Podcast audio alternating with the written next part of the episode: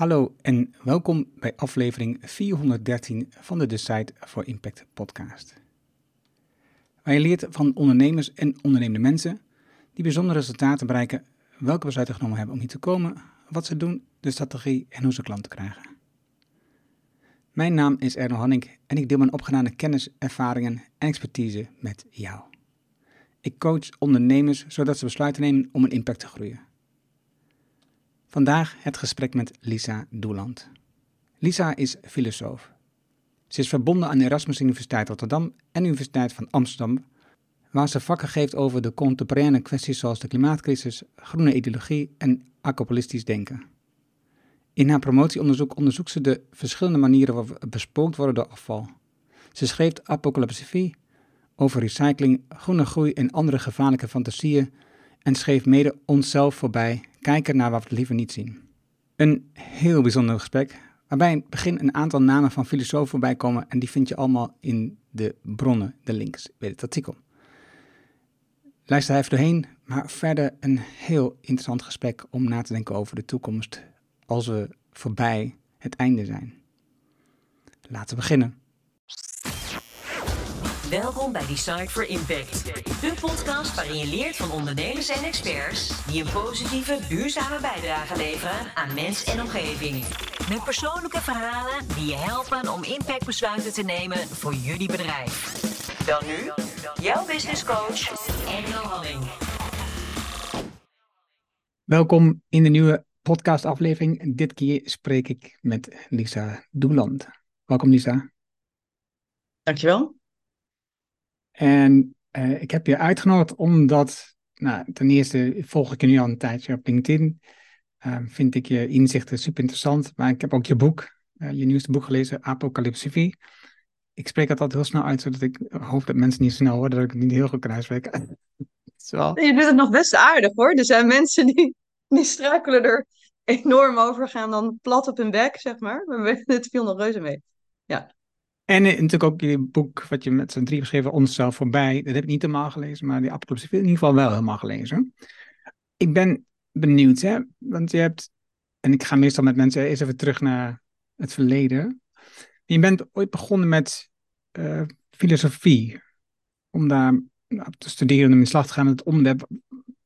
En ik vind het mooi, want ik had het er met, met Tom, uh, waar een boekbespreking mee doet. En um, hij zegt eigenlijk als we kijken naar de toekomst, naar de ontwikkeling van de toekomst, um, dat zijn de mensen, de filosofen en de kunstenaars die eigenlijk de weg wijzen. Dus ik vond dat een hele mooie. Dus, maar ik ben wel benieuwd, waarom heb jij gekozen voor filosofie? Ah, waarom heb ik gekozen? Nou, uh, het liep iets anders. Ik heb, ik heb in eerste instantie gekozen voor de studie literatuurwetenschap. Al was ik um, als puber wel gefascineerd door filosofie, maar toen kende ik het als wijsbegeerte. En dat vond ik echt een fantastisch mooi woord. Inderdaad, ja, dus het, het, het begeren van wijsheid. Uh, en toen dacht ik vooral, dat is iets voor Jannes. Dat is een jongen die met mij in de klas zat.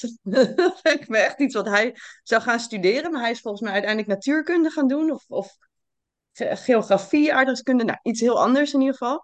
En ik ging literatuurwetenschap studeren en toen tijdens mijn eerste jaar kreeg ik een, een vak filosofie, namelijk een vak cultuurfilosofie.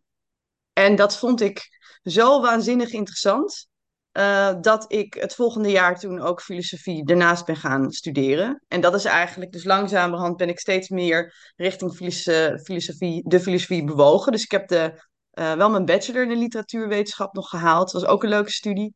En, en overigens ben ik wel heel dankbaar dat ik, dat ik die studie ook gedaan heb. Want aandacht voor meer contemporaine filosofen, ook uh, zoals um, uh, Jacques Derrida en Gilles Deleuze. Dat komt allemaal bij mijn literatuurwetenschapsstudie vandaan. Want dat, was bij filosofie was het wat meer de basics en de klassieke. En dat liep dan ongeveer tot, nou wat zal het zijn geweest, uh, halverwege de 19e of de 20e eeuw met Adorno, Benjamin, zoiets. Maar echt uh, vanaf de jaren 50, Baudrillard en al die Fransen, dat, dat kwam niet voorbij. Terwijl ik daar heel veel ehm, affiniteit mee heb. Dus, en je, je noemde net het vak cultuurfilosofie. Wat is dan het verschil met wat jij dan vroeger ehm, en ik ook wijsbegeerte noemde? Nou, ja, de, wijsbegeerte is gewoon het Nederlandse woord voor filosofie. En uh, cultuurfilosofie is gewoon een, een, een, bepaalde tak van de filosofie, dus die zich buigt over de vraag uh, ja, wat cultuur is, in wat voor cultuur we leven. Vaak gaat het ook over cultuurkritiek. Ik moet eerlijk zeggen dat ik niet precies meer weet wat we daar allemaal lazen. Ik denk eigenlijk al wel wat Adorno dan. Uh, of misschien wel Walter Benjamin, maar dat weet ik eigenlijk niet meer zeker. Ik herinner me vooral Kant. Immanuel Kant, waarvan ik nu denk, waarom Kant? Want dat is toch helemaal niet echt een cultuurfilosoof.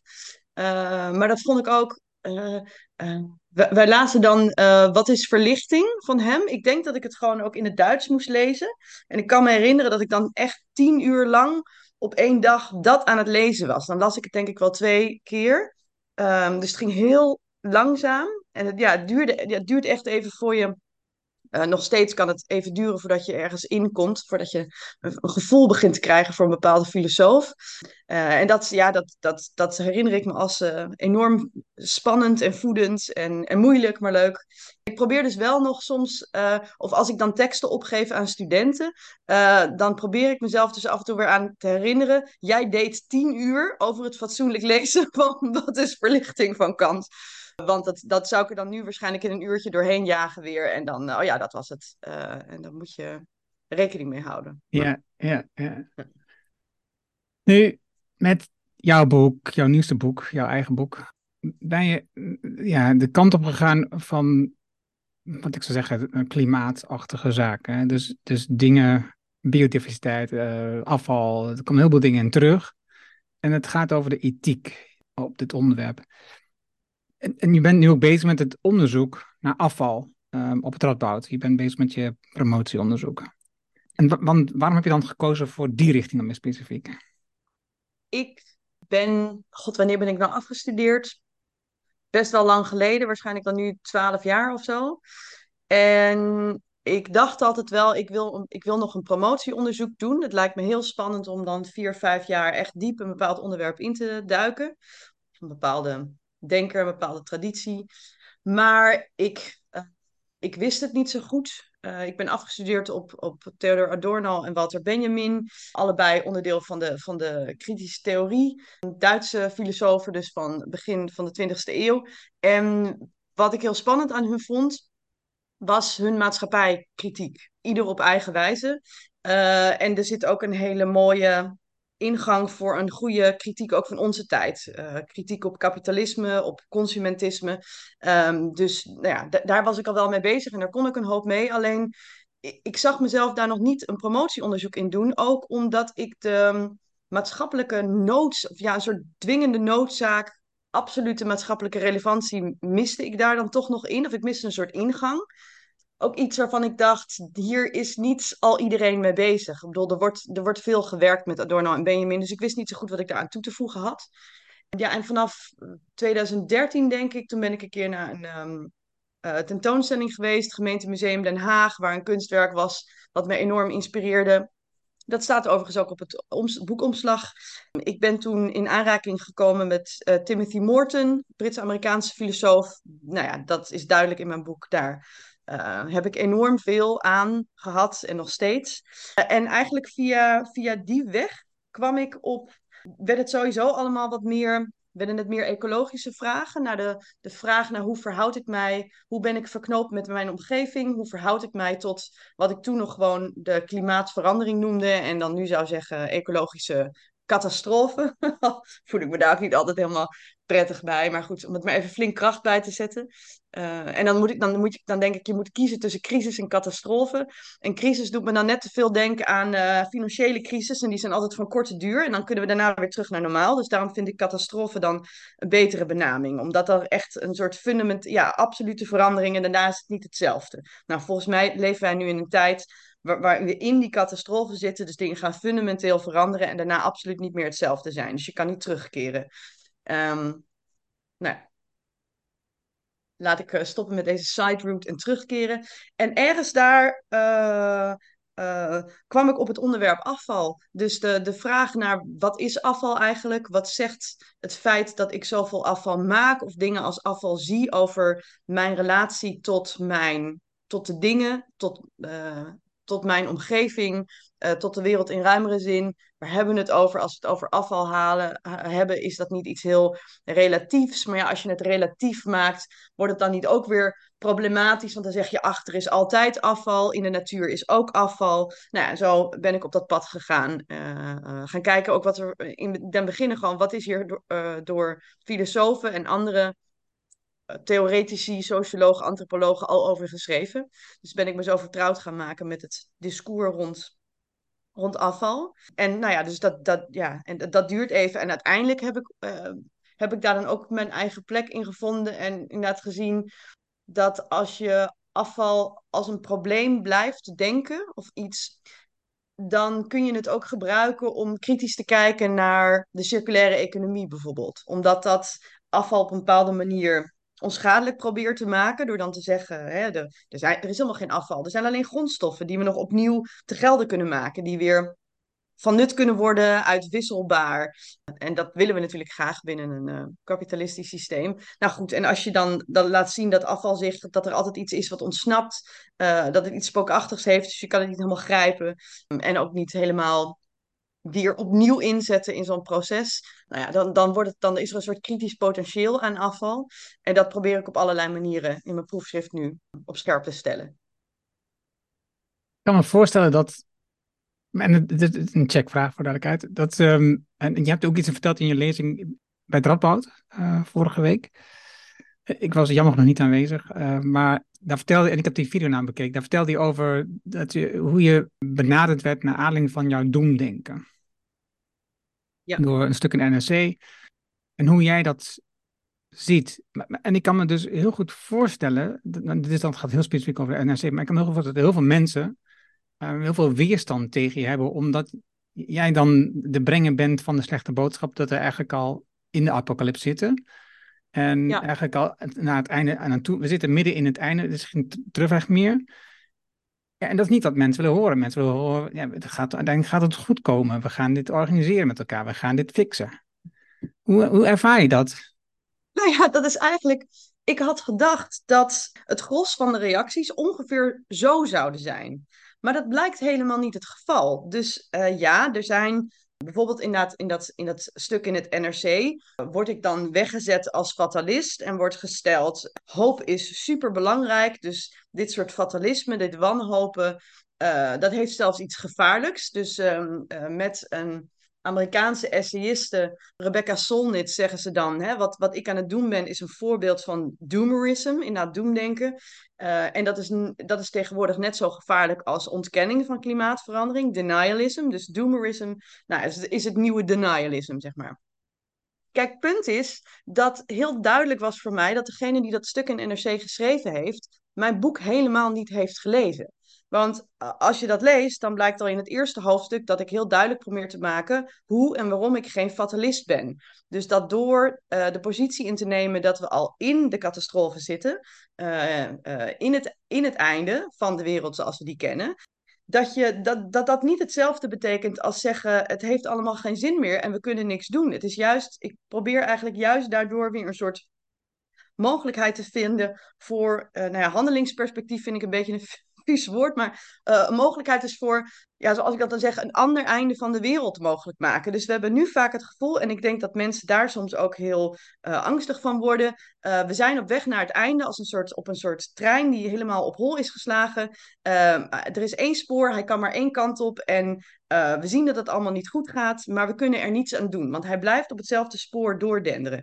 En ik denk dat uiteindelijk het feit dat mijn boek zoveel mensen aanspreekt en ook niet zozeer geruststelt als wel uh, dat ze het prettig vinden om te lezen, is dat ik probeer te laten zien, luister, dat spoor, dat bestaat helemaal niet. Dus ja, we razen nu richting het einde, maar er zijn andere eindes mogelijk. Dus je moet daar op een andere manier over denken. En dan denk ik dat het voor heel veel mensen, in ieder geval dat is ook de ervaring die ik heb, omdat ze het me dan komen vertellen, dat het oplucht omdat ze zelf ook wel voelden dat dit niet werkbaar is, dat dit niet houdbaar is, maar er is op de een of andere manier het gevoel dat er geen alternatief is, dat het niet anders kan. En door dan mijn boek te lezen, denken ze: verdomme, dat is onzin, het kan wel anders. En dan ga ik me nu afvragen: hoe kan ik onderdeel zijn van dat andere? En dat is juist heel prettig, denk ik, en, en, en lucht, mensen, lucht mensen juist op. ja, dus voor de, voor de goede lezer denk ik, ik heb nog niemand gehoord die zei, ik heb je boek gelezen, ik vind het echt uh, verschrikkelijk. Wat heb je me aangedaan? Waarom moest je dit nou zo nodig op papier zetten? Misschien klopt. Ik, ik gaf van de week, uh, vorige week uh, een presentatie en dat, en dat ging, dat, ik had een onderdeel in de presentatie en dat ging dus over de, de, stand van de wereld, zo had ik het genoemd. En dus, dus daar licht ik om, op basis van het boek van The Best of Times, The Worst of Times. Professor van Leider heeft dat geschreven, een Engelsman, heeft zijn naam kwijt. Die heeft vijf onderwerpen waar hij toelicht, nou, waar we nu zijn op dat niveau. En meestal is dat, is dat niet goed, hè. En dan laat hij zien wat de kansen zijn, wat andere wegen zijn. Zoals je een andere spoortje zou kunnen ontwikkelen op dat vlak. En, en dan zie je in de zaal toch, dus ik zag in de zaal een aantal mensen, uh, die waren duidelijk hoorbaar ook, uh, nou, die het niet met je eens zijn. Die vinden dat dit gewoon niet klopt. Dat deze visie van de toekomst niet klopt. Hè. Ze hebben wel verschillende waarheden. Of, of, het is mijn waarheid, maar ja, je hebt dan waarheden en je hebt uh, feiten. Of, of moeten we over feiten gaan praten? Ja, de dingen die ik genoemd dat waren gewoon onderzochte feiten. Dus nou goed, het is ingewikkeld voor die mensen blijkbaar om te zien dat we toch die kant op gaan. En dat ze eigenlijk gewoon ja, het liefst onwetend blijven op dat vlak. Dus voor die mensen zal misschien het boek wel wat lastiger zijn. Ja, uh, ik zit even te denken, er was inderdaad laatst iemand, maar die had denk ik, nou die kwam naar mij toe en die zei, ja, ik vind jou toch wat, uh, wat negatief en wat ongenuanceerd over techniek. Maar ik weet nou niet meer precies of dat was op basis van die avond en de lezing, dat was trouwens in Nijmegen ook. Maar toen dacht ik, ja, daar heeft, ik, ik zei, daar heeft u eigenlijk wel een punt. Ik heb de neiging om heel veel techniek over één kant te gooien. In die zin dat ik dan zeg, we moeten onze hoop niet vestigen op de techniek. Alsof er bepaalde ja, technologische uh, technofixes zijn die alles, die alles goed gaan maken. En dan mag je zelf invullen wat dat is. Maar dat betekent dat, en, en ik denk dat dat inderdaad heel gevaarlijk is. En ik denk dat je nu ook ziet, um, weet ik wel, carbon capture en storage bijvoorbeeld, dat, dat dat wordt dan als een enorme fix uh, naar voren geschoven. En daar moeten we ook allemaal onze hoop op vestigen en ons vertrouwen, want dat gaat het allemaal oplossen.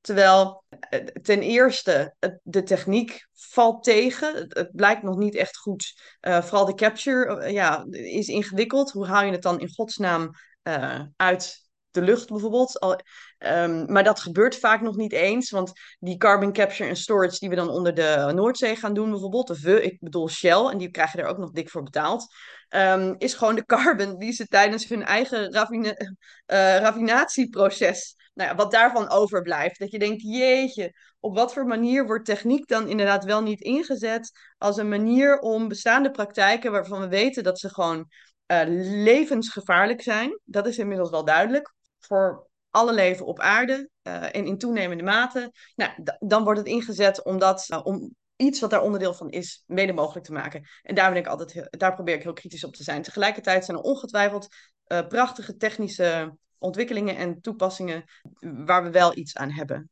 En die wel onderdeel zijn op een goede manier van andere eindes van de wereld mogelijk maken.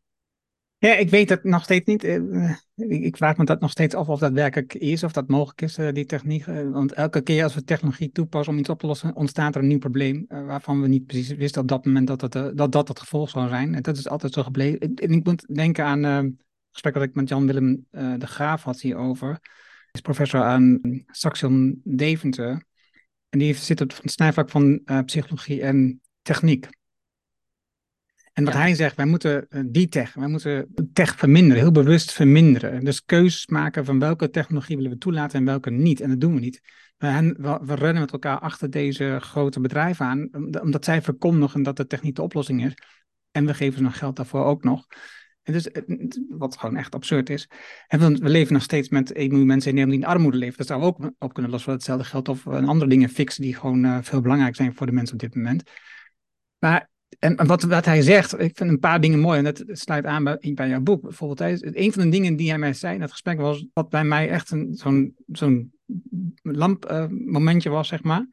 Dat is, het is als je een ijzerdeeltje hebt, dat kan maar op één plek zitten. Dat kan dus of in een wezen zitten, of in een organisme of iets dergelijks, of het kan in een brug zitten bijvoorbeeld. Het kan niet op twee plekken tegelijk zitten. Dus hoe meer bruggen of staal wij maken, hoe minder het in een levend wezen kan zitten, in organismes kan zitten.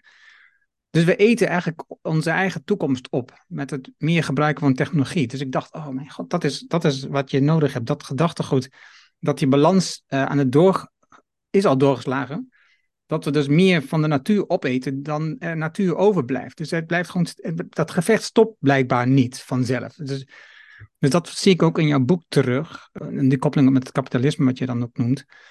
Dus dat is wel een bijzonder punt waarvan ik denk, ja, als je, als je dat niet ziet, dat probleem, dan, dan zie je denk ik ook nooit een probleem. En wat mij opviel bijvoorbeeld in de gesprekken met uh, Rutger Brechtman en Ferry nog wat, die samen die podcast hebben. Je ziet nu in die gesprekken die ze voeren, dat zij steeds meer geloven dat technologie de oplossing is. Want er is een soort ontkoppeling ontstaan volgens hun, wat betreft energie en de uitstoot. Ja, dat, ik, ik snap daar helemaal niks van. Ik weet niet wat er precies aan de hand is bij de correspondent. Maar ze zijn allemaal ik bedoel, het zat er al wel een beetje in. Weet ik in ieder geval van bij Rutger Bregman. En ook die, uh, god, hoe heet hij nou? Je hebt Rutger Bregman, Jelmer Mommers. En dan heb je uh, nog een man van wie ik zo weer op de naam kom. Jesse Frederik. Kijk, daar zat het al wel in. Maar Mommers volgens mij minder. En, en, en opeens slaan die inderdaad heel hard het afgelopen jaar op de ecomodernistische, techno-optimistische trom. Ik begrijp daar niks van het is ook helemaal niet zo dat er, dat er de laatste jaren allerlei studies eh, verschenen zijn. Waaruit blijkt dat dat, dat, dat, dat ideaal of die fantasie van een ontkoppeling uh, tussen economische groei en ecologische achteruitgang. Um, oftewel het idee dat er überhaupt zoiets bestaat als een externaliteit, als een, als een bijeffect. Uh, uh, dat daar sprake van is. Dus, dus dit is hartstikke oud. Dit willen we al sinds, um, nou ja, in ieder geval 72, uh, eh, het, het, het uh, rapport van de Club van Rome. Want ja, daar, daar werd wel behoorlijk duidelijk van, nou, als je maar blijft economisch groeien, dan stort op een gegeven moment de boel in. En inderdaad, sinds die tijd, op allerlei manieren, um, proberen we ontkoppeling denkbaar en mogelijk te maken. Maar volgens mij zijn er gewoon nul nul studies waaruit blijkt dat dat daadwerkelijk plaatsvindt. Het lijkt soms plaats te vinden, maar dan komen we erachter dat het een soort papieren of bureaucratische werkelijkheid is. Dus dan op papier doet Nederland het opeens stukken beter. Maar ja, als je dan beseft dat we gewoon de productie van van alles hebben uitbesteed aan, aan China. Dat moet ook allemaal hier komen. Uh, maar ja, de weg daar naartoe via zo'n schip, dat telt dan weer niet mee. In je carbon eh, BNP, footprint, het ook heet, allemaal. Nou ja, voilà. Het is gewoon, het is gewoon onzin. Het is niet waar. Dus het, het verbaast me wel. Ik, ik, ik duid het als... Um, ja, volgens mij zijn ze gewoon hartstikke bang. Ik kan, niet anders, ik kan me niet anders voorstellen. En ze, ze klampen zich daaraan vast.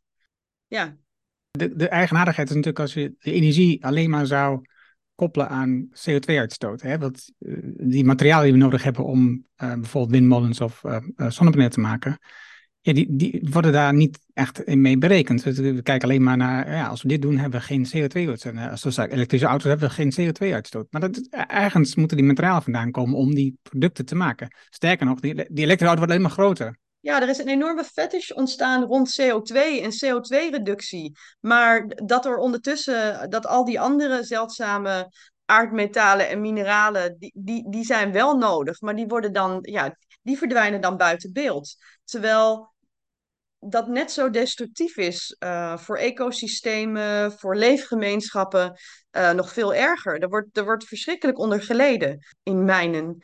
En uh, ja, dat zit niet, dat zit niet, dat, dat, dat, dat kun je niet uitdrukken in CO2 en CO2-reductie en CO2-neutraliteit. Uh, maar er is wel sprake van uh, extractivisme. Ik bedoel, dat is er onder fossiel, maar dat is er ook onder ja, zogenaamde groene energie. Weinig, ja, ik weet niet wat er. Nou, dat, dat groen moeten we ook een keer van af natuurlijk. Dat is onveranderd. en het is bovendien ja, een soort neocolonialisme, waarin steeds weer gevraagd wordt om een vorm van opoffering, in dit geval ter meerdere eer en glorie van de groene energietransitie. Maar opnieuw, ja, dus het is nog altijd vooruitgangsgeloof, in die zin absoluut uh, modernistisch. Je moet, altijd, je moet altijd die stip op de horizon hebben, dat doel vooruitgaan en uh, maar omkijken en je afvragen wat, wat, wat is er allemaal kapot gemaakt in naam daarvan. Of wordt er kapot gemaakt? Dat, dat, dat, ho. Dat vind ik heel uh, gevaarlijk problematisch. Ja, en, en, ik ben het ermee eens. En jouw verhaal vertel je ook over het geloof van die vooruitgang, die stip de heeft ook te maken met dat wij het graag voor onze kinderen beter willen hebben dan het zelf hebben gehad. En dus dat, is, dat is al, al een paar eeuwen zo dat, dat, zo dat gevoel erin zit. We doen alles aan onze kinderen niet die problemen hebben die wij hebben ervaren. En eigenlijk deed je net hetzelfde, want het boek van uh, tien uh, dingen lezen, oh ja, vrek. Maar waarom zou ze niet tien uur ook dat boek moeten lezen? Dat zou heel goed nodig kunnen zijn van eigen ontwikkeling. Maar we willen graag dat een ander dat niet ervaart wat jij hebt gehad. En, en, bij een oude kindrelatie, en ik heb twee kinderen, is dat, is dat eigenlijk gaat vanzelf bijna dat gevoel. Je, je, je, je, wenst je kind een goede toekomst um, toe. Maar die hoeft toch niet per se beter te zijn dan die we zelf hebben gehad? Dat, dat weet ik niet, maar dat als, je, als je kijkt nu naar hoeveel mensen bijvoorbeeld elektrische fiets hebben, en dan in mijn regio, dus ik zit in, in Achterhoek, en dan heb je natuurlijk veel kinderen die naar school gaan met uh, een eindje moeten fietsen. En, en als je kijkt nu hoeveel kinderen op elektrische fiets naar school gaan op dit moment, dat is echt schrikbarend. En, en dat zit natuurlijk in het gevoel van het verleden bij henzelf, dat ze dat hele eind moesten fietsen. En dat willen ze hun kinderen niet aandoen. Plus de marketing en de reclame die allemaal meespeelt uiteraard. Maar waarom zouden zij niet en dit, dit lijden mogen ervaren om zichzelf te ontwikkelen, denk ik dan. Ten eerste zouden ze moeten beseffen dat ze hun kinderen hier geen plezier mee doen. Het worden er geen uh, betere, leukere, sterkere mensen van. Je hebt er niks aan, fietsen op een elektrische fiets. Uh, dus voor je gezondheid is het niet goed, daarom zou je het niet moeten doen. En los daarvan, als je weet wat er allemaal nodig is voor jou en voor jouw kinderen om die levensstandaard hoog te houden. En wat je, wat je aan lijden elders vraagt om dat mogelijk te maken. En daar kun je eigenlijk als, als een, ja, een beetje ontwikkelde Nederlander, kun je dat niet, niet weten. Dan ben je toch wel ja, een beetje een asshole als je daar aan vast blijft houden. Sorry. Dus als we het hebben over je wil het beter voor je kinderen. Nou, als jij gewoon heel asociaal en monomaan alleen maar bezig bent met jouw kinderen, uh, dan, uh, nou ja, kijk, volgens mij word je er ook hartstikke angstig van. Vooral omdat je beseft, ja, ik kan mijn kinderen nu wel alles geven. Ik kan wel, ik kan wel en, en op een gegeven moment knaagt het dan ook. Want je denkt, ja, we zijn wel de aarde aan het uitputten. Maar je leert ze ook niet, je leert ze niet het met minder te doen. Ze worden er niet leuker van, ze worden er niet socialer van. Dus ze worden ook niet beter toegerust in een, voor een wereld waarin het straks allemaal minder makkelijk is. En waarin je kinderen ook niet kan immuniseren in die zin. Je kan, je, je, kan ze niet, je kan ze straks niet opsluiten op een plek waar um, de buitenwereld op allerlei manieren niet op ze in zal gaan beuken. In Nederland zijn dat overstromingen, maar het zijn natuurlijk ook migratiestromen. Uh, dus inderdaad, nu nog naar Nederland toe, straks vanuit Nederland. Uh, ja, dan kun je, kun je je kinderen wel blij maken nu met elektrische fietsen. Uh, maar ik denk dat ze er in de toekomst heel weinig aan hebben. En dat bewustzijn mis ik bij veel mensen. Of dat, ja, ik weet het niet. Dat, ik denk dat ik, dat ik voor mensen die dat nog niet willen zien, toch ook het boek geschreven heb. En ik merk dat als mensen dan boos worden, dat ik dan eigenlijk, dat ik dan denk, gelukkig. Het komt aan of zo. Misschien komt het dan helemaal niet aan. Hè? maar er was laatst iemand uh, tijdens een een debat ergens. En toen, uh, er zat een hele opbouw in hoor. Over uh, het probleem van een cultuur. De cultuur waarin wij leven. Waarin vakantievieren verheerlijkt wordt. En ook uh, op skivakantie gaan.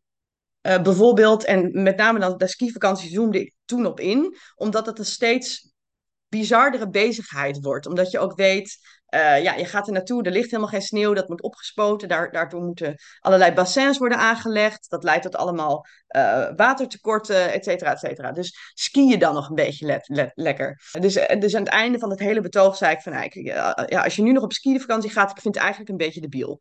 Maar daar werden mensen, er was een stel in die zaal en die werden echt boos en die stapten weg de zaal uit. Wij gaan nog wel op skivakantie, beet ze me toe. En ja, dat is dan nog. Ik weet niet of je, dat, of je dat als gevecht aan moet gaan. Misschien moet ik dat soort dingen zachtaardiger doen.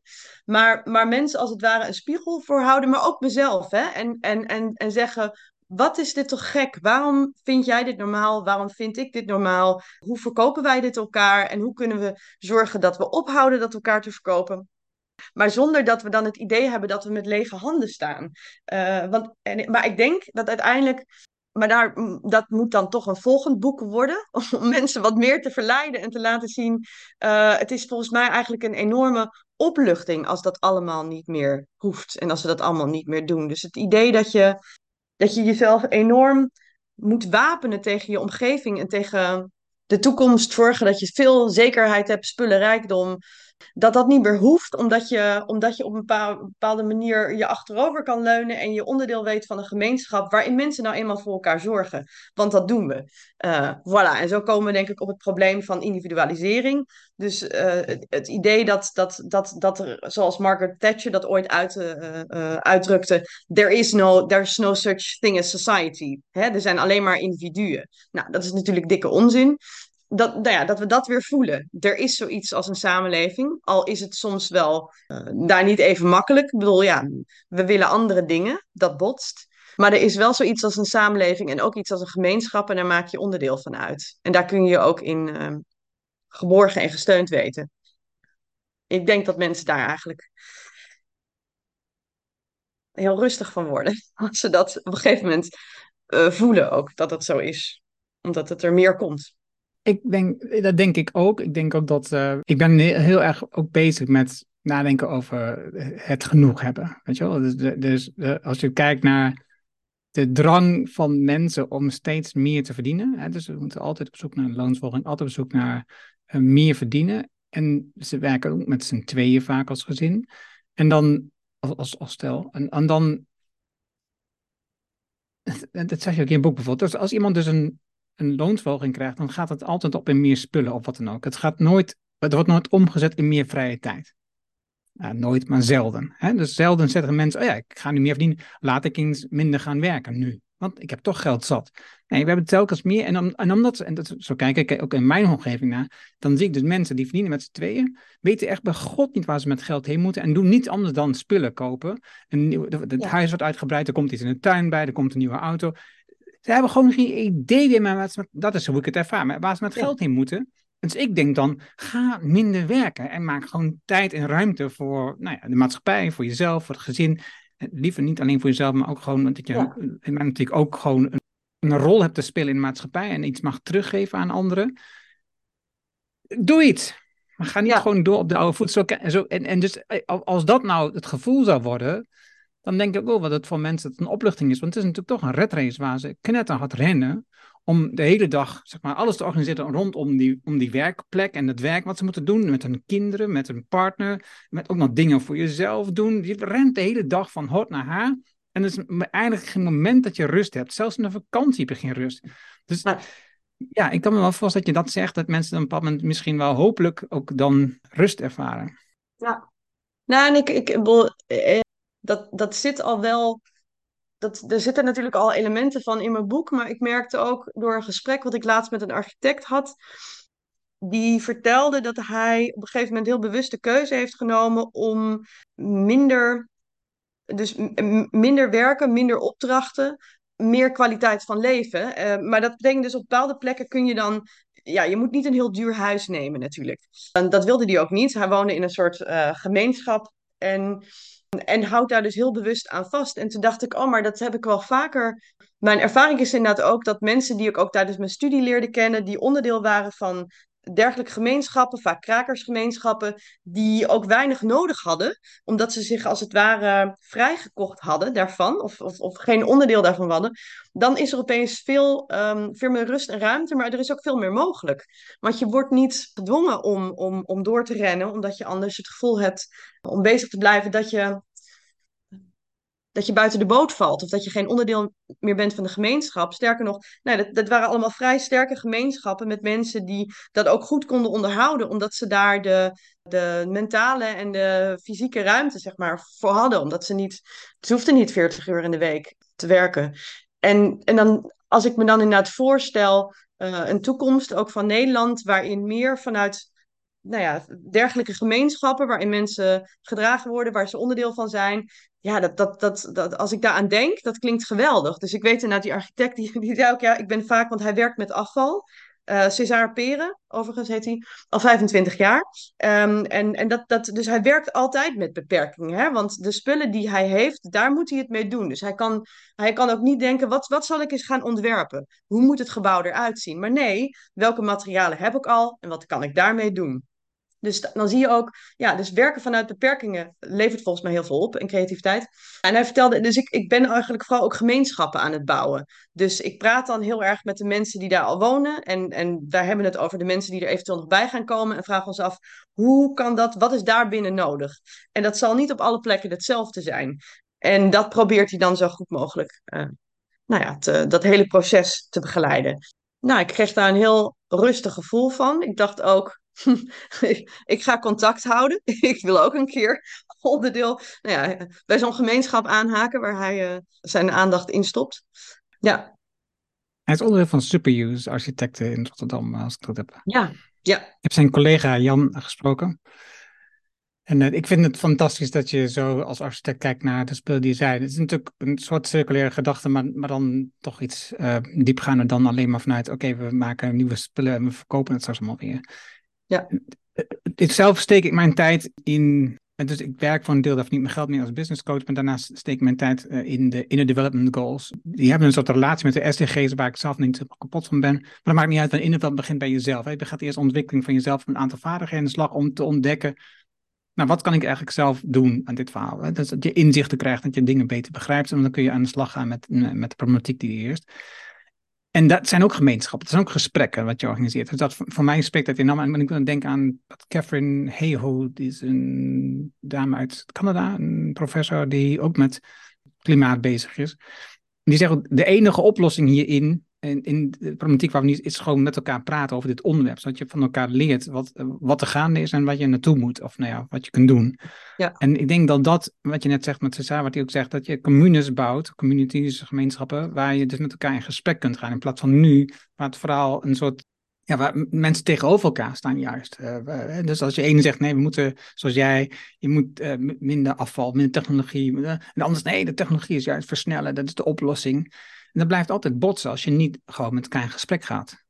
Ja. Nou, ik stel me zo'n voorbeeld, wat ik weet van dergelijke gemeenschappen, is dat het daar ook flink kan botsen. Maar, maar het voordeel is dat je gedwongen wordt om, door het feit dat je niet zomaar daar weg kan, om daarbij te blijven.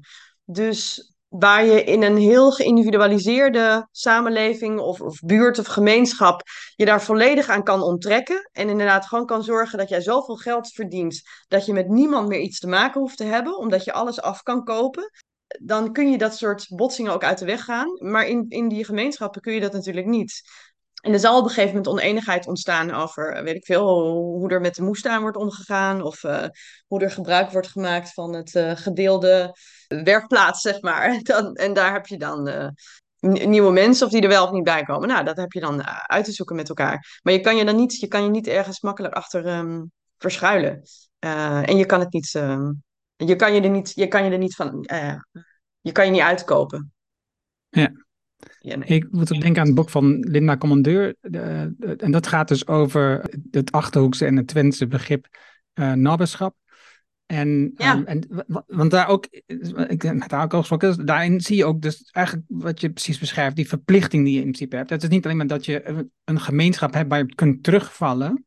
Dat betekent dus ook dat je een verplichting hebt als mensen zeg maar, uitvallen, dat je ze gaat helpen, dat je in de buurt weet wat is er gaande.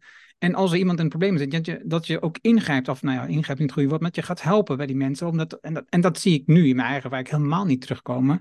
Dat iedereen heeft zijn eigen huisje en zijn eigen bopje beestje, gaat naar zijn eigen werk, laat er zelfs de boodschappen uh, thuiskomen, zodat je ook niet naar de winkel hoeft. Al dat soort zaken. Uh, je ziet, de relatie met waar je de producten koopt en van wie het koopt, verdwijnt ook volledig en op die manier. Alle pakketten die worden verzorgd, zelfs met de pakketbezorger heb je geen laatste meer, want die stapt al in de auto, want die moet snel het volgende pakketje afleveren, voordat je hem hebt gezien. Dus alle relatie met andere mensen, wat je al zegt, die, die koop je af, maar die verdwijnen ook gewoon helemaal daardoor eigenlijk. En ja, eigenlijk is dat nou precies waar het mens zijn om draait. Die relaties met anderen. Ja, ik vind dat best wel. Um, uh, ik kan dat enorm pijnlijk vinden hoe dat, hoe dat soms werkt. Ik, ik woon in een deel van Amsterdam wat iets dorpachtigs heeft, betondorp. Dus daar is wel, dus we groeten elkaar wel op straat en uh, je hebt wel enig idee wie er, wie er wonen. Dus het is niet totaal. Uh, en ik ken inmiddels wel wat mensen in de buurt. Nou, ik was inderdaad laatst, maar dat is voor, volgens mij ook voor het eerst in mijn leven, een pannetje soep brengen. dat ik inderdaad, nou ja, dat ik dacht, ja, dat, maar precies, dat, dat, die plicht heb ik nu. Dus ik kan wel, uh, het, was, het was overigens niet dat ik geen zin had om soep te maken, maar dat ik een soort onzekerheid had over of ik dat wel kon. Hè? Kan een soepje maken of zo. Ja, mijn moeder deed dat vroeger, maar ik heb het nooit. En toen dacht ik, nou, wat een onzin, Lisa, jij kan gewoon soep maken. Het was ook best een lekkere geworden, dus ik was heel blij. Um, dat, dat, nou ja, daar, uh, uh, daar word ik ontzettend blij van. Tegelijkertijd, dat we hebben nu nieuwe, nieuwe buren. En die hadden laatst door picknick iemand, uh, zo'n die picknickbezorger, iets laten bezorgen. Nou, die bezorger die was duidelijk gewoon, dat ging helemaal niet goed. Die, die, die zag er heel slecht uit, uh, de, nou ja, gestrest, um, dun, weet ik veel. Dat je denkt, en, en, en die buurman, ik, ik liep er toevallig langs, die reageerde daar niet echt op. En toen dacht ik, wow, hoe is het nou mogelijk? Jij moet toch ook zien dat het met deze man helemaal niet goed gaat. En jij snapt toch ook wel dat Picnic inderdaad is dan nog weer een van de goedkopere diensten. Dus dat hij waarschijnlijk totaal wordt uitgeknepen, nog twee andere baantjes heeft. Nou ja, uiteindelijk liet ik het ook maar gebeuren eigenlijk moet je inderdaad op het moment dat je dan zo iemand tegenover je hebt van picknick denken: wow, dit is echt een enorm probleem. Kan ik iets doen voor deze mens? Of ik ga in ieder geval nooit meer iets via deze bezorgdienst kopen. In plaats van het gevoel hebben dat dat niks met jou te maken heeft. Want dat is volgens mij waar het, wat jij ook beschrijft. Wat anders, dan heb je het idee dat het jou niet aangaat en dat je daar geen verantwoordelijkheden in draagt. Maar die heb je wel. Uh, alleen we zijn het contact daarmee uh, kwijtgeraakt. We voelen ze niet meer. Vaak ja, dus hoe zorg je dan dat je, dat, je, dat, dat je het zelf ook weer voelt, maar ook dat je het weer een beetje kan, kan dragen? Dat is soms ook wel lastig. Ik kan daar dus dan onzeker in zijn. Dan denk ik, ja, hoe kan ik dan mensen helpen? En dan denk ik, ja, ik moet gewoon oefenen. Ik moet het gewoon doen en oefenen. En dan blijkt dat het best gaat. Ja, dat is wel een goeie. Hoe kan ik dat dragen? Dat is ook wel ingewikkeld, vind ik zelf in ieder geval. En dat kan een reis. En, en ik moest ook denken aan een gesprek met, was dat die advocaten geloof ik, die bezig was met uh, bedrijven die dus aan greenwashing doen, uh, zaken tegen gaan te spannen. En dat, en dat interview ging daarover, dus uh, hoe, hoe handel jij dat allemaal? Hè? Dus hoe, ze zat op een bepaald moment in zak en alles voordat ze daar begon als advocaat. Dus, ja, ik zie maar was dat Benedict Fiek of was het iemand anders? ja, Benedict volg ik op LinkedIn, maar ik weet niet meer zeker of zij het was. Dat durf ik niet 100% zeker te zeggen. En in ieder geval, toen voordat ze daar begon, was het van, ja, ik heb echt, uh, ik kan hier niks aan doen, het is een groot probleem en ik zit alleen maar ellende. Dus dan zie je een soort iemand uh, die dus in, in, medelijden zit met zichzelf, maar ook gewoon niet verandert. En dat is natuurlijk de grote zorg die we hebben als we, als we alleen maar kijken naar het negatieve ellende en denken van, ja, ik, ik kom niet vooruit en dan zit je maar van, ja, ik, het is toch niet te veranderen. En toen zegt ze maar, maar de oplossing was gewoon iets gaan doen. En, en, en, dat zie denk ik ook bij die klimaatactivisten van, van Extinction Rebellion, als de A12 opgaan, dan doe je tenminste iets aan, aan het, het, niet, het probleem lost niet per se op, maar je bent er wel mee, je bent actief mee aan de slag, waardoor je zeker ook een gevoel krijgt van, oké, ik, ik ben bezig met een klein stukje van die verandering van de toekomst. En nou, want als je dat niet doet, dan, ja, dat soort mensen, als je, als je ziet wat het probleem is en je doet niks, dan, ja, dan krijg je echt een probleem, dan krijg je een gevoel van, van ellende. Dan, en dan krijg je dus mensen die er ook in de stress en al dat soort zaken mee te maken krijgen, die bij de jongeren ook steeds meer ziet nu. Ja, ja, ja, of die dan inderdaad maar besluiten, ja, ik, ik, het is niet hanteerbaar. Ik sluit me er gewoon voor af ja, een verdedigingsmechanisme dat je dan zegt, maar het is ook mijn pakje aan niet. Of nou ja, op allerlei manieren kan dat natuurlijk misgaan. Maar dat is inderdaad precies, precies wat ik ook ervaar. Dus ik ben in januari inderdaad, was ik voor het eerst mee de A12 opgelopen. En um, het begin van deze maand was ik ook twee keer daar, maar toen werd het me allemaal werd het ook een beetje druk met werk en boek. En voelde ik me daar overigens ook moeilijk over, schuldig om precies te zijn. Ja, en toen las ik gelukkig een berichtje ergens op een uh, zo'n zo'n uh, Extinction Rebellion platform van we zijn een regeneratieve beweging. Dus als je het gevoel hebt dat je het even niet meer aan kan, dan stop je gewoon. Dan ga je... Maar waarom voelde je je schuldig dan? Ik had het gevoel, dit is het moment. Uh, andere mensen die doen het, die stoppen ook hun energie erin. Ik, ik moet nu ook, ik moet daar nu zijn. Dit is het moment. Ja, ja, wat is dat precies voor schuldgevoel? Het is niet fear of missing out. Nou ja, ik denk ik kan me ik heb ook, ik ben wel aangesloten bij Extinction Rebellion in ieder geval in de, in de groepen op, uh, op Telegram. Dus ik volg die dingen wel, maar ik ben nog niet één keer naar, naar daarna geweest.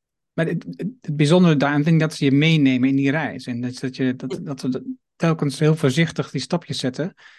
En je ziet dat andere mensen dat wel doen, die staan op de A12. En als je dan voor jezelf druk bent, uh, met andere zaken, zoals jouw geval met je boek of met de promotie of de lezing, wat dan ook, dan herken ik dat dat, uh, niet dat, dat schaamte, dat, dat schuldgevoel wel.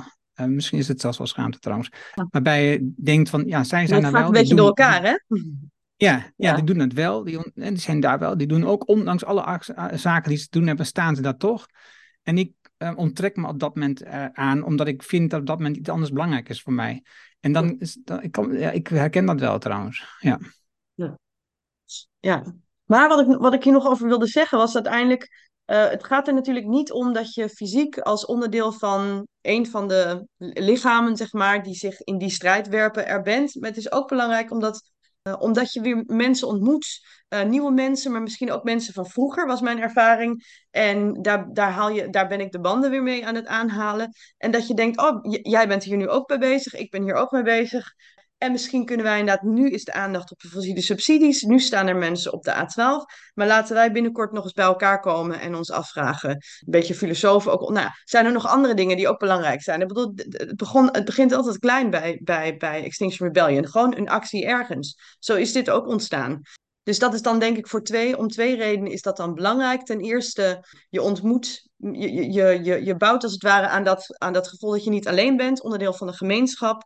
Uh, je, je, je kan iets doen. Plus, nou ja, daar kan ook weer iets uit voortkomen. Dus uh, ja, samen, samen kun je weer bedenken, hier moet, ook, hier moet ook aandacht voor gevraagd worden. Hier moeten we ook voor uh, de barricade op.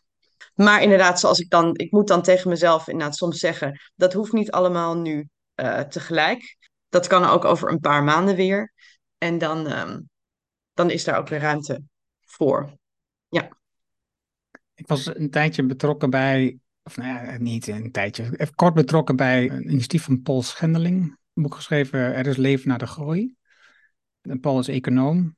Hij geeft veel advies aan de overheid op het gebied van dat soort zaken. En hij, hij ziet gewoon een aantal problemen en heeft ook een aantal ideeën voor oplossingen richting een wereld die voorbij die groei komt. Hè. Dus we leven zonder groei.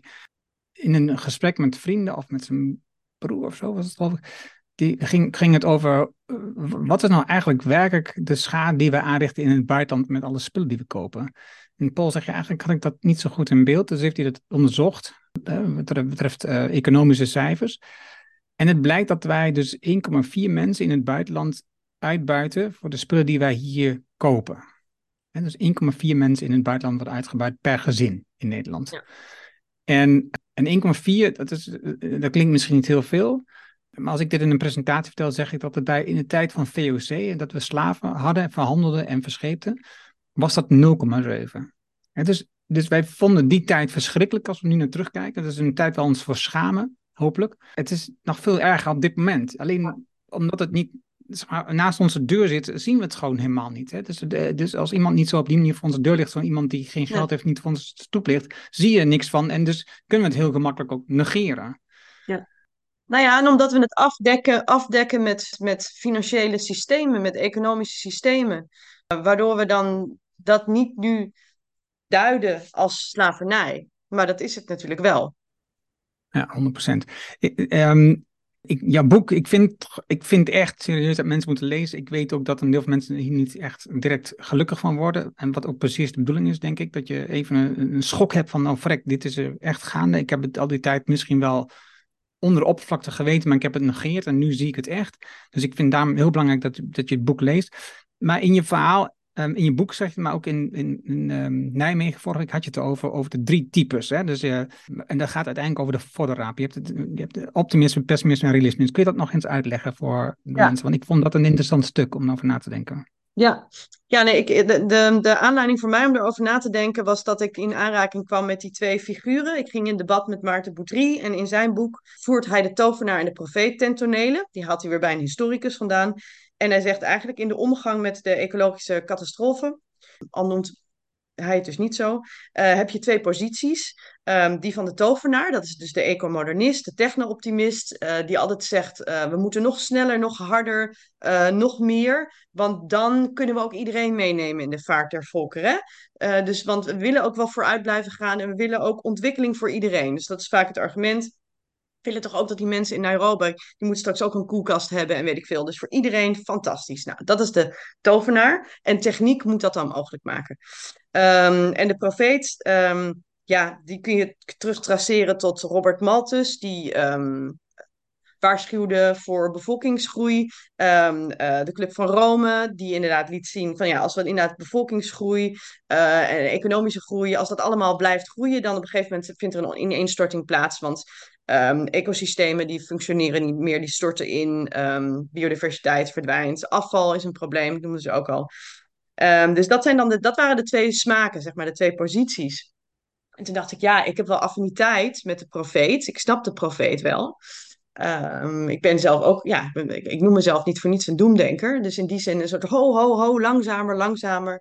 Uh, we moeten stoppen. Maar ik, ik, ik kon me daar net niet helemaal in vinden, omdat in die pro profeet uh, als we het beperken zeg maar, tot het, rapport van de Club van Rome en wat daaruit voortgekomen is, dan is er de suggestie dat, dat je uiteindelijk ja, dat, dat er een soort planetair management zou moeten plaatsvinden, waardoor je dan dat die collapse kan, kan voorkomen. Maar dan uh, hè, dus voor iedereen. Uh, op eenzelfde manier. Dus, nou, dus als een soort, nou, dan zie je het als een soort managementprobleem. Uh, dus de pessimist zijn dat. En de optimist. Dus de pessimist die probeert dan nou ja, uh, toch het ergste te voorkomen. En de optimist. Uh, maar toen dacht ik, ja, ja, ik, ik, ik, um, ze zijn allebei wel heel lineair. Dus in het ene geval eindigt het naar die lijn. In het andere geval moeten we gewoon er hard op doorgaan. Um, en toen moest ik denken, dus ik noemde Walter Benjamin aan het begin van dit gesprek al. Een, een Duitse filosoof die over van alles geschreven heeft, maar ook over de Parijse passages in de 19e eeuw. Dus een soort ja, shopping malls avant la lettre. Waar we ook de voddenraper vonden. Die in de restjes van het vroege consumptiekapitalisme uh, zijn, vooral zijn, maar misschien ook haar weg vond. En daar en dat resoneerde voor mij met werk wat ik al ken van uh, Anna Tsing, een antropologe die onder meer um, The Mushroom at the End of the World met ondertitel Learning to Live in the Capitalist Ruins heeft geschreven. Dus via haar ook anderen. Nou, het idee van we moeten inderdaad leven, dus we moeten niet het weer helemaal uh, nieuw willen maken. Um, of, of ja, ja we, moeten, we moeten het gewoon doen met wat er is in de restjes. Dus dat is dan realisme. Uh, dus die heb ik daar aan toe willen voegen. Dus het is een beetje een onbeduidend figuur. Um, we, gaan niet, we gaan niet alle onheil ermee afwenden uh, of alles ermee oplossen. Uh, de voddenraper moet, moet ook altijd, denk ik, plaatselijk gedacht. Dus wat voddenrapen betekent in Nederland nu uh, is iets heel anders dan in Nederland over 40 jaar en nu alweer anders dan in uh, Nairobi, Shanghai. Want de situatie is anders. En ook, uh, kijk, nu is het bijvoorbeeld in. Ik, ik ben echt wel een voddenraper, ook in die zin gek op de kringloop. maar ik ben. en de marktplaats en zo, net als heel veel anderen met mij. Maar ik ben me natuurlijk heel erg bewust van het feit dat, dat het nu lekker jutten is om, omdat er ook heel veel wordt, wordt gekocht en weer weggegooid door, door anderen. Uh, mind you, ook een hoop troep. Dus in de kringloop vind je ook weer heel veel Primark dingen. Nou, die kun je beter niet kopen, want dat, nou ja, dat is toch zo weer kapot. Heeft geen zin. Maar dus die voddenraper, die, die, ja, die probeert het te doen met wat, er, met wat er is. En daar dan zich in te ontwikkelen. Dus dat is een, een figuur waar ik dan mee probeer te denken, steeds meer. Ja, en dat is dus ook, hij is, hij is niet zo gevaarlijk, want hij gaat niet zeggen, uh, nu moeten we daarheen uh, en daar, kan dit, daar moet dit en dat voor opgeofferd worden. De voddenraper is ook veel meer ingebed in, in de gemeenschap ook, zou ik willen zeggen. Die gaat het daarmee doen en die heeft geen grootse, geen grootse visies. En ik denk dat het heel belangrijk is om, um, om je te verbinden met je omgeving uh, en daar wel duidelijk keuzes in te maken er zijn bepaalde praktijken die beter zijn dan andere. Maar het is gevaarlijk altijd om een soort stip op de horizon te hebben waar je dan naartoe werkt. Want daar, daar wil je nog wel eens wat voor opofferen om dat te komen. En dat zou de voddenrapper niet doen. Ja, en ik zit, ik zit, dus, ik, ik zit toch, dus ik denk dat ik zelf meer, dus ik, ik, ik zie mezelf niet als pessimist, maar ik zie mezelf wel meer als de, degene die, dus, die zegt, ja, zo kan het niet langer. En nu je uitleg opnieuw hoor, denk ik, ja, ik zou me meer als voddenraper kunnen gedragen om gewoon te leven met wat er is. In plaats van, want een van de dingen die, die ik nu als richting heb, is dat we gewoon de in de development goals in Nederland veel verspreiden. Dat we daar gewoon veel aandacht voor krijgen. Dus dat, is toch weer zo'n stip op de horizon. Dat we, dat we mensen moeten laten zien en overtuigen. Nou, overtuigen niet, maar in ieder geval mm, kennis in moeten maken. Zelf keuzes kunnen maken. Dus ik zou me daar wat meer als fotoraper kunnen gedragen. Nou, en ik ben benieuwd, want kun je dan, want vooral ook een soort bewustzijn voor, dus je zegt, we, we willen development goals verspreiden, maar vind je ze niet eigenlijk ook al op heel veel plekken terug? En op wat voor plekken dan? En hoe kun je die plekken uh, meer onder de aandacht brengen en kracht bijzetten en voeden? Dus inderdaad, die gemeenschappen waar ik het eerder over had, dus inderdaad, met beleid kun je het ook weer dingen doen om het die gemeenschappen makkelijker te maken, bijvoorbeeld. Er zijn vaak regels die het heel ingewikkeld maken om op een bepaalde manier te bouwen. Um, uh, en hoe kun je dat merkt, ja, dat vertelde die architect ook weer, daar, daar dingen in veranderen, waardoor je de mogelijkheid plaatselijk op heel veel verschillende manieren gemeenschappen te laten vormen en bloeien en uh, die, die een beetje voddenraperig zijn. En dan hoef, je, dan hoef jij dus niet uh, te komen brengen. Uh, het, het, het, blijkt er vaak al. Je hoeft het alleen maar op te stoken, als het ware. Ja, en, en, en dat, daar ben ik het mee eens. Dat is precies wat, wat ik wel ook in mijn achterhoofd hou, waar ik mee bezig ben. Omdat je, ik, ik kijk ook wat eigenlijk... Er zijn al heel veel initiatieven. Hè? Dus waarom kunnen die niet beter samenwerken en elkaar versterken in plaats van dat je allemaal het verschil gaat onderzoeken van oké, dit is mijn initiatief en dat andere initiatief is net iets anders, daarom heb ik mijn initiatief nodig om dit te organiseren. En je kan ook zeggen, ja, dit initiatief is al fantastisch, uh, ik zou dit eraan toevoegen, zo, zou we dat samen kunnen organiseren. Dan wordt het, dan wordt het groter, sterker, meer mensen ervaren het.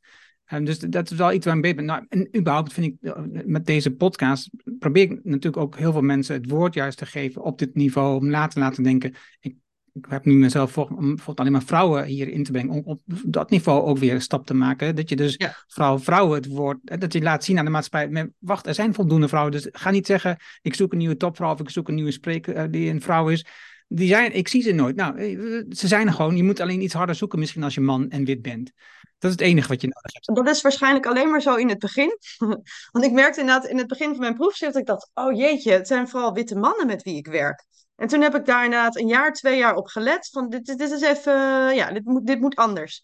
En nu zonder problemen zijn het steeds eh, vrouwen of, of mensen die, die, daar, die niet in die hokjes passen, waar ik dan op stuit. Eh, en waar ik als, als ja, dus ik hoef niet meer mijn best te doen. Uh, dat is dan al veranderd. Dat klopt, ja. Maar het is wel goed om een tijd lang, wel heel goed trouwens, echt goed, dat je dat dan bewust doet. Om iets te doorbreken, ook in je gezichtsveld? Of ja, ik weet niet, die vrouwen die wijzen jou waarschijnlijk ook weer op andere vrouwen waar zij dan weer mee werken en zo rolt dat door. Ja, ja precies. Nou, dat is precies wat ik, wat, ik, wat ik probeer te doen hierin, om dat te organiseren zo. En, um, en, en, we organiseren gewoon heel lokale bijeenkomsten. En dus daar komen en ook zo graag zoveel mogelijk verschillende mensen met elkaar brengen, zodat uh, dat we elkaar zien en uh, ervaren. En dat je niet in silo's blijft hangen. En dus dat is allemaal wel dingen die ik bewust mee bezig ben. Dus ik ben ik ben erg blij met de evenementen die we dan elke maand organiseren. Bijvoorbeeld hier in de Achterhoek en in Amsterdam, waar ik dan zelf bij betrokken ben. In heel Nederland zijn er meer evenementen. Maar ik vind ook, in elke plek heeft ze eigen mensen. Ik hoef niet of dat te zijn, voor duidelijkheid. Hè? Dus als er een presentatie wordt gevraagd in Rotterdam. Oh, vraag uh, Erika, want die zit daar bijvoorbeeld. Hè? Dus dat is veel makkelijker. Ik hoef niet in Amsterdam per se, of Rotterdam of wat dan ook. Dat is helemaal niet nodig voor mij. Ik kan het hier heel goed redden. Dus ook daar weer wanneer is het genoeg? Hè? Wanneer, wanneer um, werk je hard genoeg? Wanneer heb je genoeg? En allemaal dat soort zaken. Ik vind dat hele interessante vragen.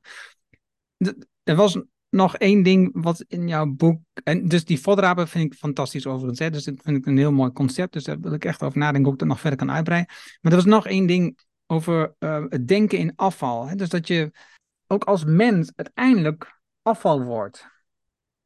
Ja. En dat je in principe moet nadenken hoe je dus een goed afval kunt nalaten als mens. En, dat, en ik, ik, eh, dat was ook zo gaaf. Met, en, dan, en dan, je noemde net ook, eh, warmen bijvoorbeeld. Oh, net was in ons volgspakket het daar even over. En dan denk je, ja, dat is eigenlijk kwaad op neerkomt. Het is gewoon, het gaat niet over het gevecht om in leven te blijven. Het gaat, over, het gaat erom, hè, voed ik straks nog een beetje. maar precies dat. En ik was dit weekend op een, um, op een festival in uh, Kortrijk. En Ecopolis heette het. En wat ze ontzettend leuk hadden gedaan, was uh, mij programmeren als een gesprek na een theatervoorstelling. En die heette volgens mij gewoon Shit, of Shit met nog iets. Uh, en, en die theatermakers, die, ja, die waren vanuit poep gaan denken. Op, um, en dus heel duidelijk deze lijn van de vertering en, en, en vooral ook het niet verteren. Een van de dingen die zij eh, in die voorstelling naar voren brachten. En dat, dat, daar werd ik echt, uh, dat emotioneerde me. Ik, werd er echt, ik was er echt verdrietig van. Dus dat was ook een beetje een gekke overgang van die voorstelling dan na het gesprek, omdat ik nog een beetje moest bijkomen. Uh, was dat zij hadden ook hun eigen poep getracked. Dus ze blijkbaar een zendertje erin. Brussel wonen ze. En dat was dus ergens buiten de stad dan terechtgekomen. Op een plek waar dat verwerkt wordt. Maar uiteindelijk, er wordt wel wat mee gedaan of nog wat uitgehaald. Uh, maar er blijft ook gewoon iets over. En dat heet dan techno-zand. En daar kan helemaal niks mee. Nou ja, je kan het onder een weg leggen of zo.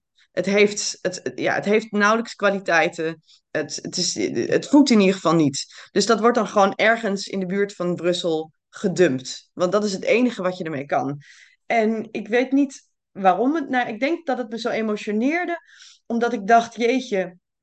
Ik dacht dat ook als ik hier de wc doortrek, zeg maar, die daar, daar kunnen ze tenminste, daar kunnen we nog wat mee. Dat eindigt niet als iets wat zich ergens ophoudt en in de weg zit en waar mensen en dieren eh, dood aan gaan op allerlei manieren. Of, nou ja, uh, maar zelfs, zelfs dat wordt ondood, als het ware. Of wordt in, ja, uh, blijft vastzitten en, en, en wordt onverteerbaar. Dus het, het, idee dat, dat wat kenmerkt nou onze tijd, dat die, hele planeet, die, overal onverteerbare dingen. Overal dingen die niet meer, die niet meer voeden. Zelfs onze kak voedt niet meer. Ik vond het echt, ik vond het verdrietig. Wat zijn we dan aan het doen? Het slaat gewoon nergens op. En je had het ook over kinderen. En, en je wil iets doorgeven aan je kinderen. Nou ja, dat is precies wat ik heb geprobeerd vat op te krijgen in mijn boek. Hoe zit het nou met het voortleven? Uitsterven? Ja, dus natuurlijk willen we niet uitsterven. Maar stilstaan bij je uitsterfelijkheid betekent begrijpen dat voortleven vraagt om dat dat proces door kan gaan. Dat er dus steeds vertering plaats kan vinden. En, en dat we dus nu in een, uh, in een wereld leven waarin heel veel niet verteerd kan worden. Heel veel verschillende dingen. Uh, en uh, ja, en hoe verhoud je je daartoe? Wat moeten we daarmee? Wat leren we daarvan? En ik denk dat het twee, twee gedachte die hierbij kwam, wat, met, dat je je poep wegspoelt, dat is eigenlijk, eigenlijk beschrijft bijna alles. Hè? Ja. Je, je, je trekt het door en de afval is weg. Dus ja. Het, je ziet, het is, het is allemaal zo mooi georganiseerd dat je niet meer zorgt, maar dat je weg, klaar. Weg. Niet meer mijn probleem. Ja. Um, dat is het enige. En het andere um, over dat voorleven en het voortleven. Ik denk dat wij zijn gewoon in de in de westerse wereld, in ieder geval ook in Nederland, veel te weinig met de dood bezig aan zich. We zijn gewoon veel te bang voor die dood om er, om er over te praten met elkaar, om er mee bezig te zijn, om er, om er actief mee bezig te zijn. We zijn gewoon alleen maar bezig met het verder hollen op een dag, om morgen weer bezig te gaan, maar niet met de dood aan zich. En ik moet zelf ik vind het zelf heel erg prettig om bezig te zijn vanuit de uh, Stoïcijnse gedachtegoed. En dus dat, dat, dat is een soort, ja, zeg maar zo'n motor van mij is het, weet je. En omdat, omdat daar veel meer een kijk van twee verschillende kanten op zit. van, van oké, ik heb het nu goed, maar hoe ging het ook weer toen het slecht was? En andersom, hè? Dus, dus ik zit in de put, maar ging het ook weer toen, uh, dat doet het goed aan mijn gang, weet je, dat, dat gaat. En dus, dus je, je probeert telkens weer voor te stellen naar de situatie aan de andere kant, zodat je niet uitslaat aan extreme en alleen maar dat goede nodig hebt, maar dat je ook kunt uh, berusten en beleven in een wereld die, waar het veel minder is, bijvoorbeeld. Hè? Dus als je dan kijkt naar de grote voorbeeld uit die tijd, hoe zij een, een tijd lang met niks leefde om dat weer te ervaren hoe het was om niks te hebben. Omdat je dat vergeet als je alleen maar heel veel hebt.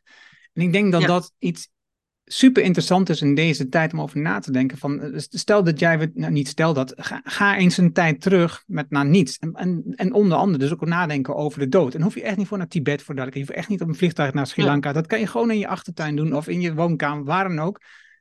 Anders gaan we dat wel allemaal doen. Dus ik denk dat dat wel een goed idee is. ja, toch?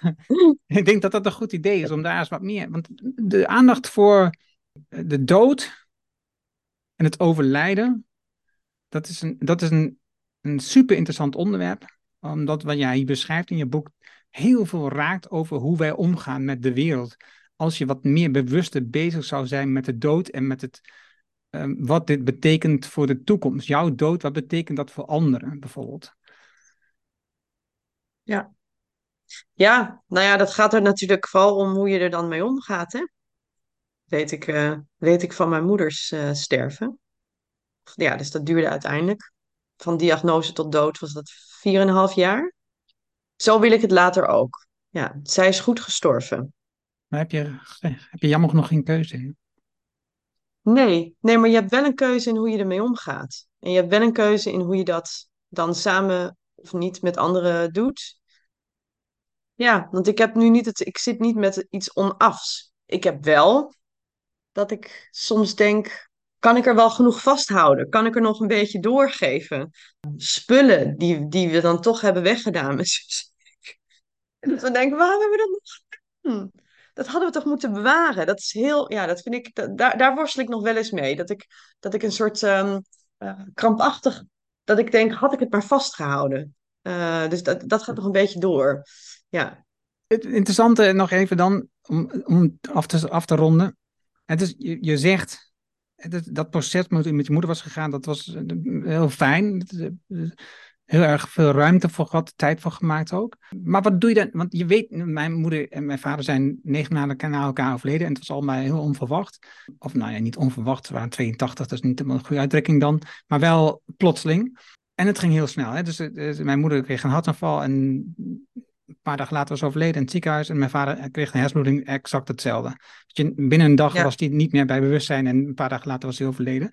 Dus dan is het proces is heel snel en je hebt eigenlijk nauwelijks tijd om, om goed af te sluiten. Als je dat dan zo mag noemen. Jij weet niet, en ik ook niet voor duidelijkheid, wanneer we overlijden. Dus wat doe jij nu dan bewust aan om, om dat proces zo te organiseren dat je denkt, eh, dan sluit ik het met iemand goed af? Oh, wat een goede vraag. Ik denk dat ik dan toch met een soort platitude kom. Dat je altijd moet proberen om. Dat je als het ware ieder moment dood zou kunnen gaan en dat er dan niet nog allerlei onaf unfinished business is. Dus een ruzie die niet is uitgesproken, uh, iets wat je had willen doen en zeggen. Dat, ja, dat je in principe te alle tijden dood zou kunnen gaan en dat je weet, maar de anderen weten ook, het zat goed. Dit was onze relatie en dat was een goede relatie. Dus dat lukt natuurlijk nooit helemaal. En je hebt helemaal gelijk, het hangt helemaal af. Mijn moeder had kanker, dus dan heb je een heel proces wat je doorgaat. En overigens ook wat helemaal niet altijd ingewikkeld of makkelijk is. Want zij kon het op momenten ook helemaal niet accepteren. Dat, ze, dat, ik, dat ik dacht, maar, maar je, mama, je gaat er gewoon dood. En je, nou, nou, nou doe je, of nou spreek je alsof, het, alsof je genezen zou kunnen worden. Maar dat weten we toch al een paar jaar, dat dat niet zo is. Dus dat soort gekke dingen zaten er wel. Of gekke dingen, dat soort ingewikkeldheden en worstelingen zaten er natuurlijk in. Maar uiteindelijk, nou ja. Ik ken wel verhalen van mensen die het leven echt niet los konden laten. En die dan zagen hoe hun vader of moeder het leven niet kon loslaten. En dat lijkt me echt verschrikkelijk. Want dan zit je te kijken naar iemand die, die, die het niet kan en die worstelt. En, en, en ik heb mijn moeder gewoon letterlijk kunnen zien gaan, zonder worsteling. En dat was heel, uh, heel waardevol. Maar ja, dat moet je dan ook maar ja, gegeven zijn. Ja. Ja, ja, en tegelijkertijd, we weten allemaal, uiteindelijk sterf je. Weet je? Het vroeg, het, het, het, we hebben weinig zekerheden, maar dit is, dit is er één van. Vroeg of laat sterven we. En dat, is, dat kunnen we beter accepteren, in plaats van het willen zeg maar, oneindig oprekken.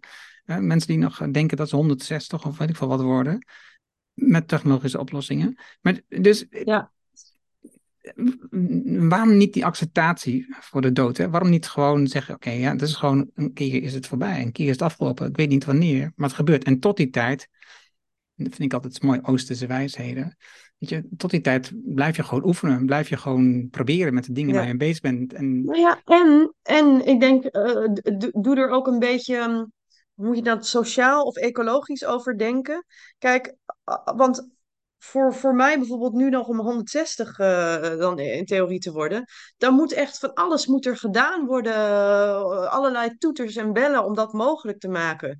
Nou ja, en dat kost, dat, dat, dat, dat vraagt iets van anderen. Of uh, Dat vraagt iets van het milieu, ecosystemen, weet ik veel wat voor technieken je daar wel niet voor nodig hebt. En ehm, waarom vinden we dat eigenlijk normaal? Dus dat, dat element ook. Ja, en dat heb ik wel. Ja, de hoeveelheid afval die gemaakt wordt in ziekenhuizen, uh, dat is wel uh, ongelooflijk. En dat is dan allemaal omdat we nog wat langer, daar nog wat langer. En, en dan denk ik, oh jeetje. Maar ja, dus je, we, problemen het, we gooien het probleem over de schutting. We, we gooien het naar onze kinderen. En naar andere mensen nu al elders op de wereld. Die moeten dat dan allemaal dragen. Daar mogen we, ja, dus ook daarom, inderdaad, in godsnaam, durf dood te gaan. Ja. Nou, we kunnen een beter einde wensen aan ons gesprek. dood te gaan, Lisa, dankjewel. Ik, ja. ik, ik vond het echt heel leerzaam. Ik heb genoten van je boek. Uiteraard met uh, mood swings, weet het, met uh, uh, gevoelens. Maar uiteindelijk heel leerzaam. En ik, als ik het aan anderen zeg, uitleg wat het boek, waarom ze het boek zou moeten lezen. Het is, het, jouw gedachtegoed is het feit dat je zegt, weet je, we zitten al in het einde der tijden, zeg maar het einde van de mensheid, het einde van heel veel leven op de planeet. We, hebben, we zijn al in die apocalypse, dat is al, dat is al gaande. En dus accepteer het normaal, want vanaf dat punt dat je het accepteert, kun je weer verder. Kun je weer opnieuw denken, oké, dat, is, dat is een nieuw pad wat we kunnen gaan met elkaar. In plaats van wat je zegt, hè, dus, dus het oude pad gewoon voortgaan of een nieuw pad en zeggen, we gaan daarin helemaal. Dus, dus dat is hoe ik het uitleg. En dat is denk ik heel waardevol voor mensen om te lezen. Daarom adviseer ik mensen om dit boek te lezen. Als je het niet kunt kopen, kun je naar de biep gaan voor duidelijkheid. Of je kan op een andere manier het boek wel organiseren. Omdat het gewoon inzichten geeft over hoe kan ik nou een ander spoor vinden voor een andere toekomst. En waar kan ik mensen vinden die over kunnen praten. Dus ik dank je wel voor Lisa. Heel graag gedaan. Dat was het mooie gesprek met Lisa. Je vindt de namen en links die we noemden in het artikel dat bij deze uitzending hoort. Ga daarvoor naar decideforimpact.com slash show 413. Wil je vanzelf automatisch de volgende aflevering van deze podcast op je telefoon ontvangen? Dat kan heel eenvoudig. Heb je een iPhone, dan zit er standaard de Apple Podcast app op. Open deze app, zoek daar de Decide for Impact podcast op en klik op abonneer. Heb je een Android-telefoon, installeer dan eerst bijvoorbeeld de Play FM app. Zoek daar de Decide for Impact podcast op en klik op abonneer. Dankjewel hiervoor. Heb je vragen, opmerkingen, reactie op deze aflevering met Lisa? Stuur dan een e-mail naar podcast.decideforimpact.com. Ik hoor super gaaf van jou. Ook als je andere vragen hebt over de podcast overigens. Wil je leren hoe je focus en energie vindt met jouw innerlijke kompas? Hoe verbinding in je team het verschil maakt? Hoe je vertrouwen krijgt in je collega's en hoe je een moedig mens wordt? Download dan het boek Impact Besluiten waarmee je nieuwe medewerkers aantrekt op de site van impact.com. Dit is mijn nieuwste boek en je downloadt het daarom helemaal gratis. Je hebt zelfs geen e-mailadres nodig.